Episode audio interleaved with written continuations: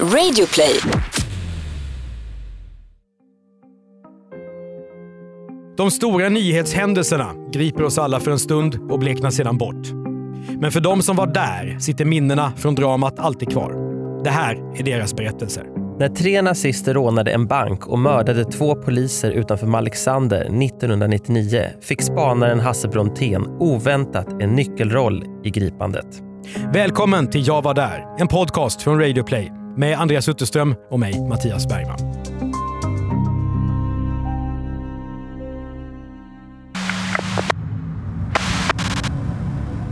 Vad jag gjorde spontant var att jag öppnade bildörren och ställde mig först utanför bilen för jag kände mig inte sitta i bilen. Och då har jag min gruppchef först på telefon och sen, sen på väg upp och det är gångvägen mot bron och då är det som en gångbro. Det far ju mycket tankar genom huvudet. Och dels vill jag möta den här killen på en gångbro. Ska jag överhuvudtaget gå där han kommer eller ska jag bara vänta? Bara några sekunder efter så smäller det av ett skott. Det här är Hasse Brontén, idag känd som komiker och inte minst programledare för Snutsnack. Men i ett tidigare liv var han polis och hamnade mitt i jakten på Alexandermördarna. Men mer om detta senare. För nu måste vi ta det från början.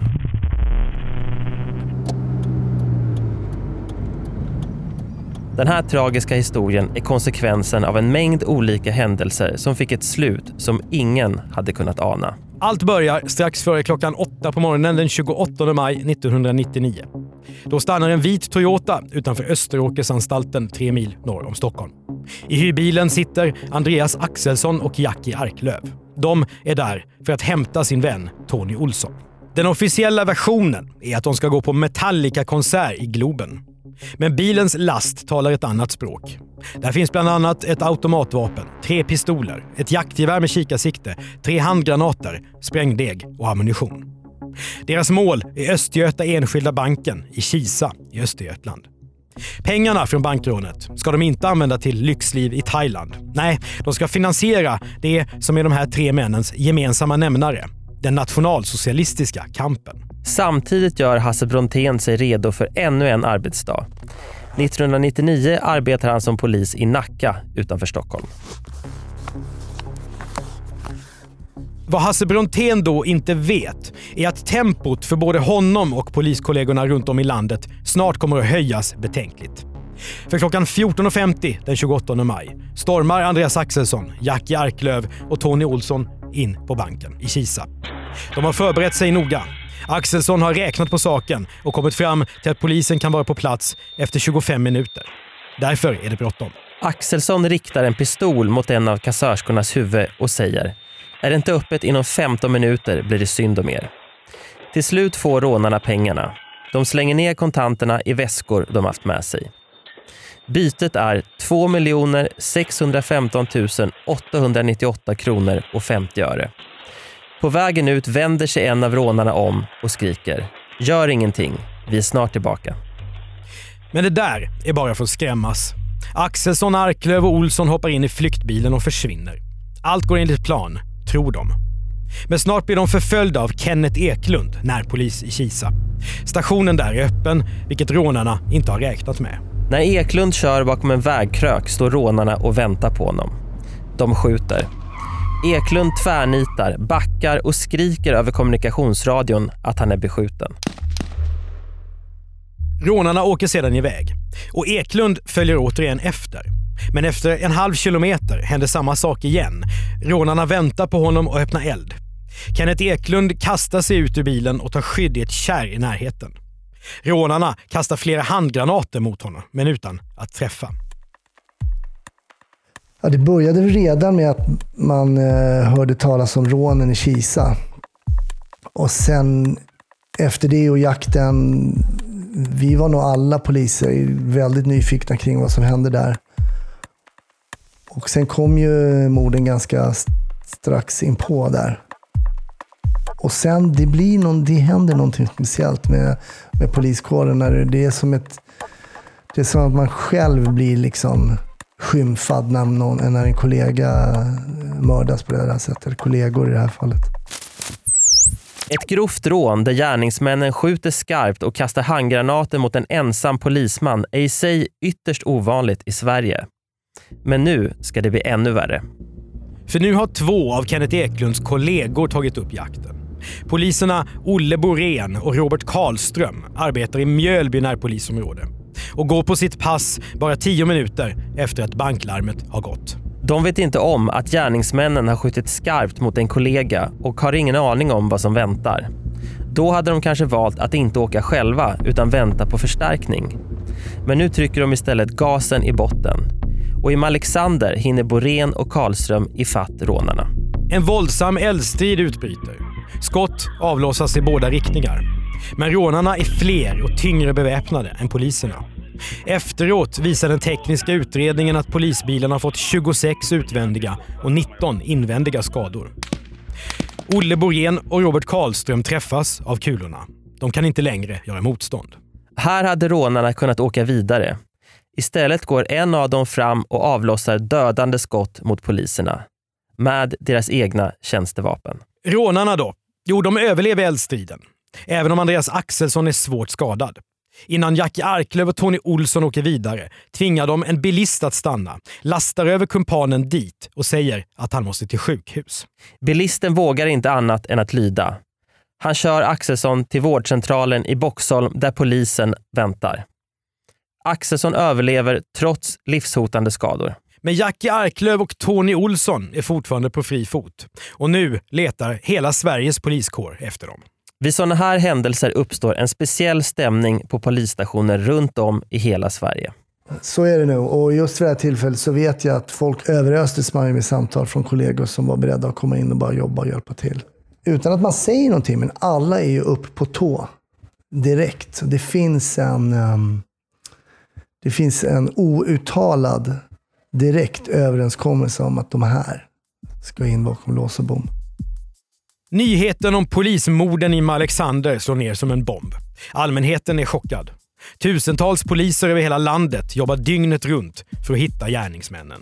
Under hela natten och dagen har polisstyrkor stoppat varenda bil som rört sig på vägarna i Östergötland. Över hundra poliser från flera polisdistrikt deltar, förstärkta av den nationella insatsstyrkan från Stockholm. Vägspärrarna kombineras med rörliga patruller som söker av områden främst kring sjön Sommen. Vad ingen då vet är att Tony Olsson får hjälp av sin flickvän att fly till Costa Rica. Jackie Arklöv, han stannar däremot i Sverige eftersom Olssons flickvän inte vill ha med honom att göra. Men trots att svenska medier publicerar bilder på Arklöv och Olsson är det ingen som har sett dem. Det avgörande tipset kommer inte. Samtidigt är trycket på polisen enormt. De här männen måste åka fast. Tiden går. Tre dagar efter rånet i Kisa och morden i Alexander är Arklöv och Olsson fortfarande på fri fot. Polisen bevakar alla kända adresser där polismördarna kan tänkas dyka upp. Och nu dras även Nackapolisen och Hasse Brontén in i arbetet. Till en början så var inte vi engagerade i det här ärendet överhuvudtaget. Men sen var det så att, om inte jag missminner mig, så var det Axelsson som hade tillgång till en lägenhet ute i, i Tyresö. Sen så tror jag det där betraktades som ganska kallt. Eh, varför skulle någon av de här, varför skulle till exempel Arklöv dra sig till en lägenhet som med största sannolikhet Eh, polisen kände till. Så då la man ner det här på lokala spaningsrotlar och sånt och till slut så hörde man av sig även till oss. Och vi åkte ut och satte oss och, och löste av, så vi hade dygnet runt span där ute i, i Tyresö. Nej, Hasse Brontén tror inte att Jackie Arklöv är så dum att han åker till en känd adress. Men han och kollegorna lyder order och turas om att dygnet runt bevaka Andreas Axelssons lägenhet i Tyresö utanför Stockholm. Och det är precis lika tråkigt som det låter. Timme efter timme sitter Hasse Brontén ensam i en bil med uppsikt över infarten till lägenheten. Det satt ju så många där som alternerades. Jag kommer ihåg, vid ett tillfälle satt jag där utanför ICA. Då kom de ut till mig liksom med fika. Ni håller, ni håller ut här, ni, ni kämpar på. Så jag fick bulle och kaffe och lite sånt där. Så allmänheten visste liksom att vi var där och då kändes det som att det är ju ännu kallare. Men ändå kommer jag ihåg att när vi skulle åka ut då från stationen och vi rustade på. Jag hade alltid skyddsväst. Det hade jag alltid på mig under liksom när jag jobbade. Det var en vanesak. Eh, mina Nackakollegor hade inte det. De var lite äldre än mig. De, ja, de tyckte det blir varmt och sådär. Då sa jag det till min gruppchef. Men det kanske är kallt det här, men ska du inte ta med det? Skyddsvästen åtminstone. Jag menar, det här är en person som är misstänkt för att ha mördat två kollegor. Ska du inte ta med den? Jo, tyckte han då. Det, det kanske ligger lite i det du säger om jag för någon gång ska med. Så han slängde med den i bilen. Han satte liksom inte ens på sig den. Han tog i alla fall med sig eh, skyddsvästen ut. Så något form av tänk hade man nog ändå, liksom att det kan ju faktiskt hända. Hasse Brontén sitter där i bilen och väntar. Han är klädd i jeans med en sidoficka där Ericsson-telefonen passar perfekt. En marinblå hoodie och ett par sneakers. Så jag försökte väl se liksom, eh, jag försökte att inte se så polisiär ut. Även om det finns stor anspänning i luften är det långtråkigt. Trots att chansen att någon av Alexandermördarna ska dyka upp är minimal är Hasse Brontén redo om det blir skarpt läge. Tjänstevapnet, en Sig Sauer och handfängsel har han givetvis med sig. Och förstås en skyddsväst. Nu börjar det bli dags att äta lunch. Sånt är viktigt även när man spanar efter Sveriges mest jagade brottslingar. När mobiltelefonen ringer tror Hasse Brontén därför att det är en kollega som vill styra upp detaljerna kring vem som ska äta var och när. Men det visar sig vara något helt annat. Det är gruppchefen som ringer. Och så säger han bara så här, han är här. När han sa så, så var, fanns det inte ett uns av tvivel hos mig att det här var sant. För jag hörde på hans röst direkt. Han är här och jag fattade direkt, då är det ju Arklöv som är här. Och så säger han så här, han är på väg mot dig.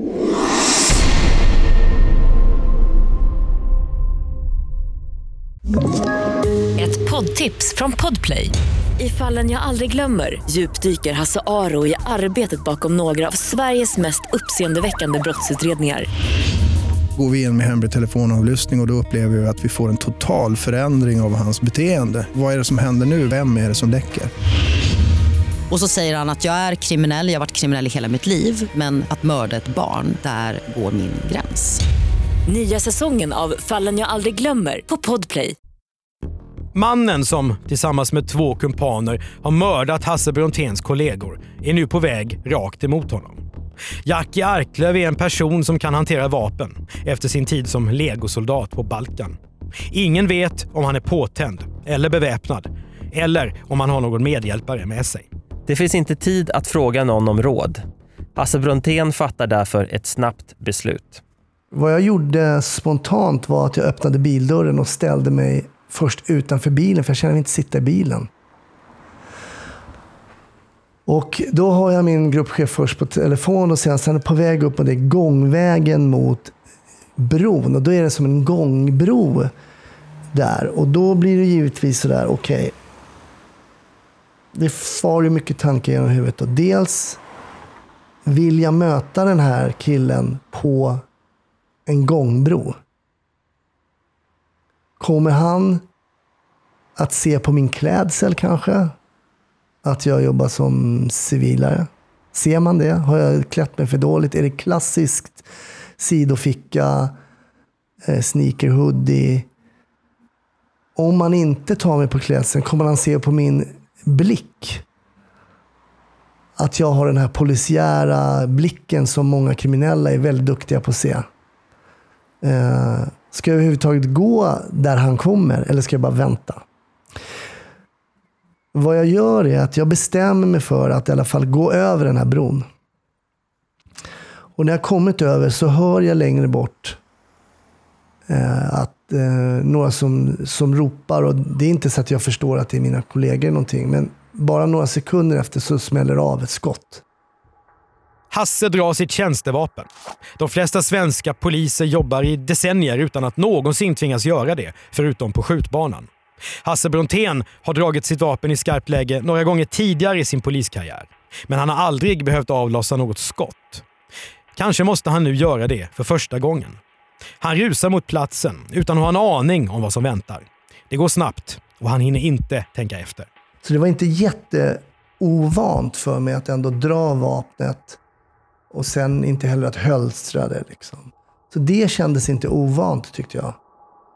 Men det som, kom, det som händer sen är ju lite ovant, att det ligger en person skjuten framför mig. Mitt minne är att när jag kommer fram så hölstrar jag en bit framför. Jag ser att det finns liksom ingen uppenbar fara längre.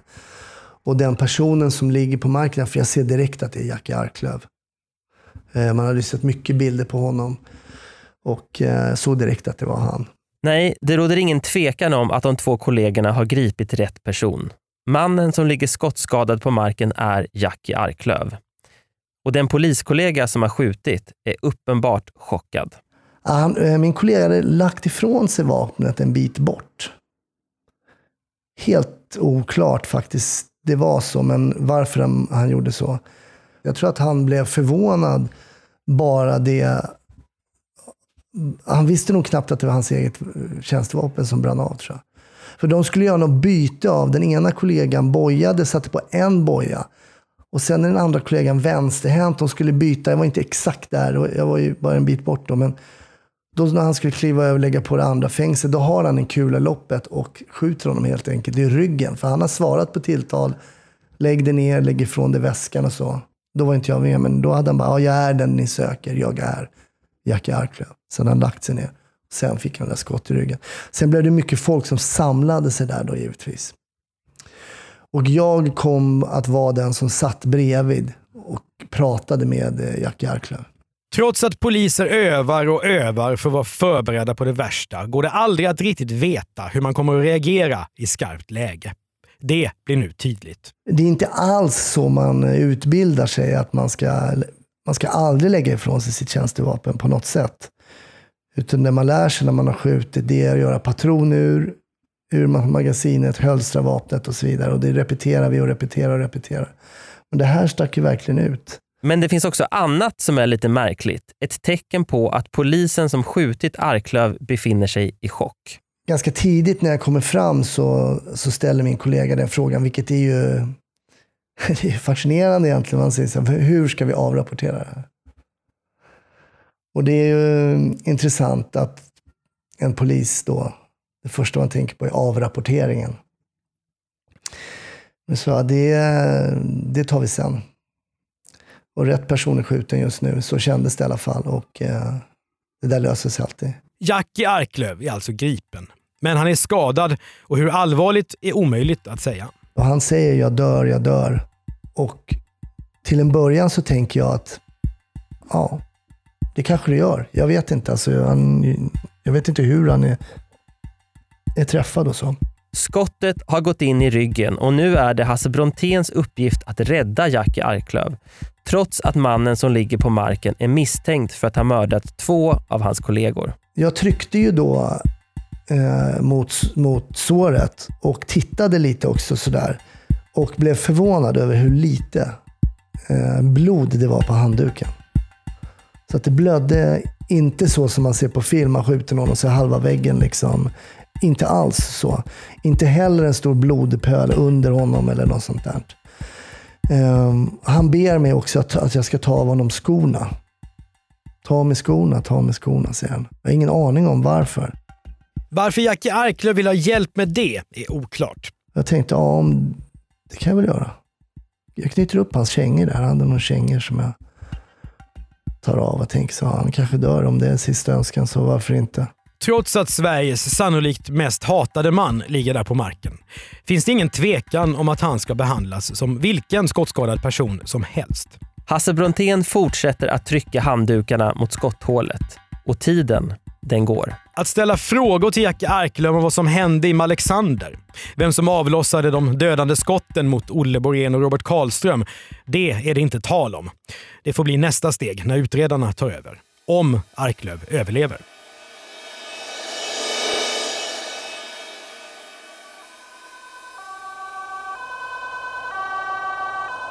Sen, efter det som känns som en evighet, kommer ambulansen. Och lite så kändes det här nu. Kom och hjälp mig nu. liksom. Och sen kom ju ambulansen och då ville de ha med... Hon kom fram mot mig, för jag satt där med honom. Hon gav liksom tummen upp när hon såg att så här, men ni har rätt kille. Alla hade ju sett bilder på, på den här misstänkte polismördaren i Expressen och Aftonbladet och allting och sådär. Eller var det tummen upp för att, hade, för att han var skjuten? Det vet jag inte, för att jag fick bara tummen upp. Jag uppfattade det mer som liksom bra jobbat. Sen exakt vad hon menade vet jag inte, men det kändes ändå så här. Mm. Sen ville de ha med en polis in med ambulansen in till, till eh, SÖS som det blev och det blev jag också. Ambulansen åker i hög fart mot Södersjukhuset i Stockholm. Handbojorna tas av, ambulanspersonalen börjar jobba. Framme vid SÖS försvinner Jacke Arklöv in på akuten. Hasse Brontén växlar några ord med ordningspolisen som står vakt. Allt verkar med tanke på omständigheterna lugnt. För mindre än en timme sedan satt Brontén uttråkad i sin bil i Tyresö och lyssnade på P1. Nu är Arklöv gripen och vårdas på akuten. Så vad ska Hasse Brontén göra nu? Han väljer att åka tillbaka till platsen för gripandet. Alltså det var som en warzone när jag kom ut till Tyresö igen. Stora avspärrningar, eh, helikopter, nationella insatsstyrkan, piketer, bilar, motorcyklar, hundförare. Äh, det var som, var jag här verkligen för en timme sedan? Och bara, det var flera stycken, vi måste genomsöka den här källan. Och det var bara, nej, nej, han, han var själv. Det, det var vi som tog honom. Hasse Brontén står där i bostadsområdet i Tyresö utan att riktigt veta vad han ska göra. Men efter en stund är det dags för honom att åka till polisstationen för debriefing. Alltså en samtalsmetod för att bearbeta traumatiska händelser. Så då åkte jag in och då satt vi alla tre där. Och, då satt man mest och pratade om... Det blir mycket så här, man teoretiserar om vad hade hänt om och om och om och om man hade gått upp mot mig och om man hade haft ett vapen och om. Och, och så här, men det är, ganska, det är ganska nyttigt att göra så ändå och vrida och vända på, på allting. Så vi satt väl där några timmar och surrade. Och... Ja, men det var rätt bra. Hasse Brontén är inte det minsta uppriven. Han känner ingen panik, ingen ångest, men ändå är det inte som vanligt. Han har därför ingen lust att åka hem. För vid den här tiden är han singel och en tom lägenhet lockar inte. Då kanske de jobbiga tankarna kommer. Så det kommer jag ihåg, då ringde jag faktiskt till min exfru och sa det, kan inte jag... Och hon hade dottern då. Så jag kan inte få sova hos er ikväll då. Och det gick bra. Så det, så det fanns ju liksom såklart en, en oro utöver det vanliga. Det var ju någonting där som, som hände. Och man, det var väl också kanske en, en början på slutet för mig som polis lite grann. Det blir en lång kväll med exfrun, men hon är van. Hon har fått utstå många, många nätters debriefing. Eh, för det hände ju, det hände ju mycket och eh, jag hade liksom eh, behov av att snacka ibland och hon var duktig på att lyssna. Andreas Axelsson är fortfarande svårt skadad och vårdas på sjukhus. Tony Olsson gömmer sig i Costa Rica och följer nyhetsrapporteringen på internet. Han inser att loppet är kört. Olsson funderar på att överlämna sig själv, men grips av den lokala polisen innan hans planer blir verklighet. Den svenska polisen kommer att hämta honom och flyga honom till Sverige där han omedelbart placeras i häktet. I november 1999 inleds rättegången. Utredarna har vänt på varenda sten. Spåren är många och bevisningen tung. Att det är Axelsson, Arklöv och Olsson som har rånat banken är ställt bortom allt rimligt tvivel. Men den viktigaste frågan är fortfarande obesvarad.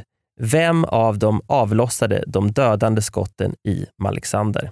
Trots tragik och dramatik är svenska rättegångar oftast outhärdligt tråkiga tillställningar, nästan helt befriade från känslor. Men så blir det inte den här gången. Två dagar före julafton får Anneli Ljungberg, Olle Boréns sambo, chansen att tala inför rätten. Hon vänder sig direkt till de åtalade. Varför var ni tvungna att avsluta jobbet? Han var ju redan skadad och utgjorde, utgjorde väl inget hot mot er längre. Om ni, om ni hade låtit honom vara så hade alla vi som älskade Olle fått ha honom kvar. Anneli Ljungberg får senare Svenska talarpriset för det som kommer att kallas Tal till de tre. Kanske påverkas jurister och nämndemän, kanske inte. Men domen, den blir hård. Alla tre döms till livstidsfängelse trots att det inte går att fastställa vem av dem som avlossat de dödande skotten mot poliserna. Livstidsdomarna fastställs senare av Göta hovrätt. Hasse Brontén är inte med under rättegångarna, men håller sig uppdaterad via nyheterna. Jag följde faktiskt inte det närmare än att bara lyssnade på typ radio eller ingenting att jag hörde av mig till utredare eller någonting sånt där. Och bara inväntade domen. Så det var inte någon maniskt på något sätt utan jobbade på som vanligt. Och, och sen tyckte jag det var skönt när han fick sin eh, livstidsdom. I medierna pågår under lång tid en debatt om vem som egentligen bär ansvaret, förutom gärningsmännen. Har dramatikern Lars Norén, som har satt upp en pjäs där Tony Olsson deltar, någon skuld för att denne periodvis fått permissioner? Eller är det kriminalvården som är den stora syndabocken? Eller är det kanske det svenska samhället som rent allmänt daltar för mycket med grovt kriminella? Den polis som skjutit Jackie Arklöv i gripandet åtalas, men frias eftersom rätten kommer fram till att det rör sig om ett vådaskott. Men vissa har svårt att acceptera det. För dem är det självklart att polisen passade på att hämnas sina två mördade kollegor. Hasse Brontén är inte på plats när skottet brinner av. Men han är ändå helt övertygad om att det var ett vådaskott, inget annat. Det var han då och det är han idag, 20 år senare. Jag är helt säker på att det var det. Nu var jag ju som sagt inte på plats, men med de samtal vi har haft och så, så kommer jag ihåg, jag var så glad över att, att han inte dog för min kollegas skull. För han var uppriktigt liksom besviken på sig själv, att han att med så pass många tjänsteår, att han hade bränt av ett skott på det sättet och tyckte väl att det framstod som väldigt klantigt. Vilket det, det var ju dålig vapenhantering, någonting annat kan man ju faktiskt inte säga. Här hade historien om morden i Malexander kunnat sluta. Men i maj 2001, på årsdagen, visar SVT Folke Rydéns dokumentär Vägen till Malexander. En av de som medverkar i dokumentären är Jackie Arklöv. Han förnekar där att det var han som sköt de dödande skotten. Istället är det Tony Olsson som pekas ut som mördaren. När Arklöv i sin fängelsecell ser dokumentären skäms han. För trots att han brukar predika soldatheder, att man ska stå för vad man har gjort, så ljuger han i tv-dokumentären. Och nu får någon annan skulden för det han har gjort.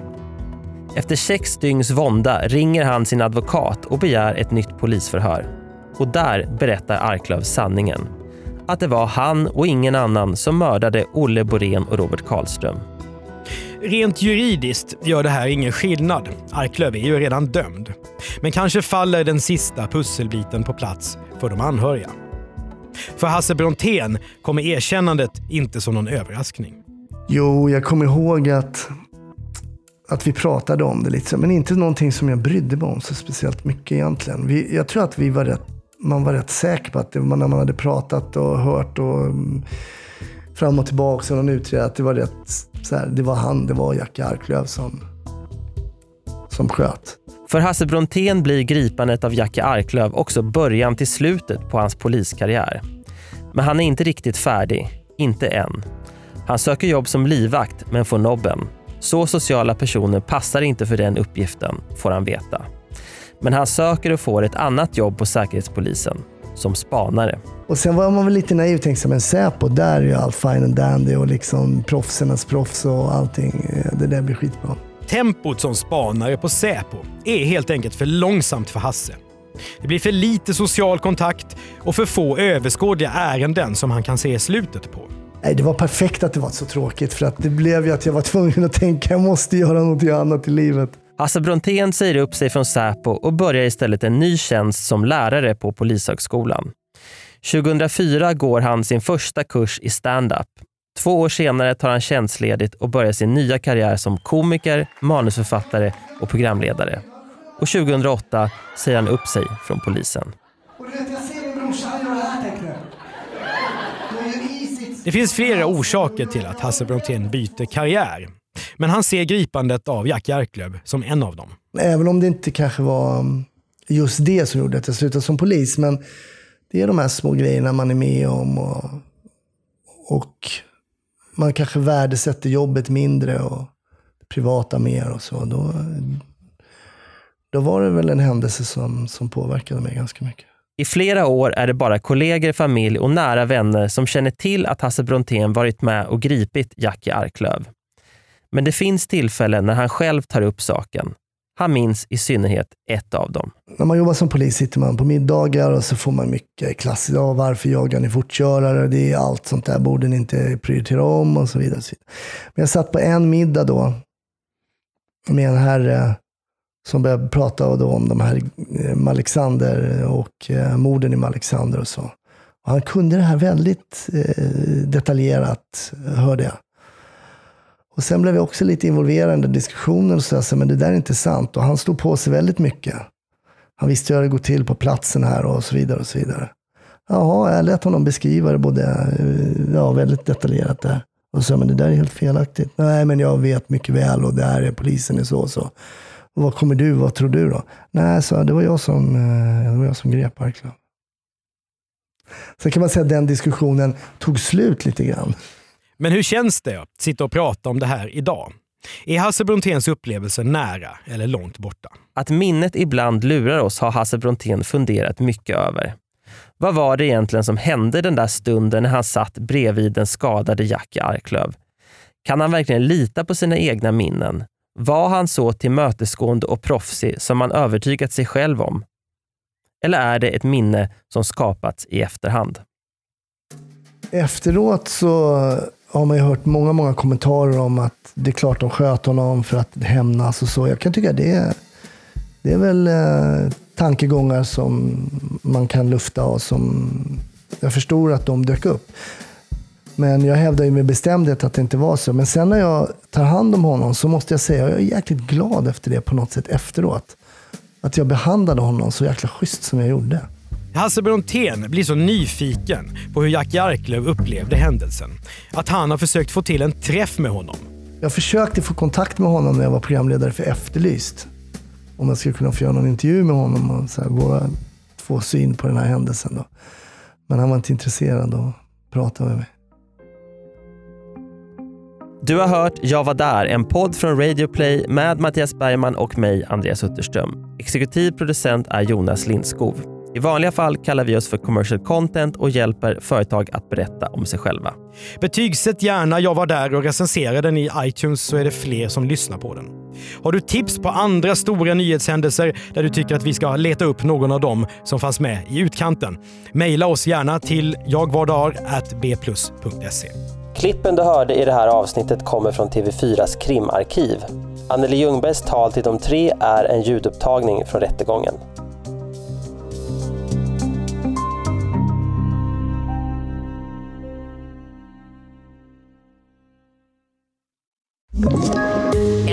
Poddtips från Podplay. I fallen jag aldrig glömmer djupdyker Hasse Aro i arbetet bakom några av Sveriges mest uppseendeväckande brottsutredningar.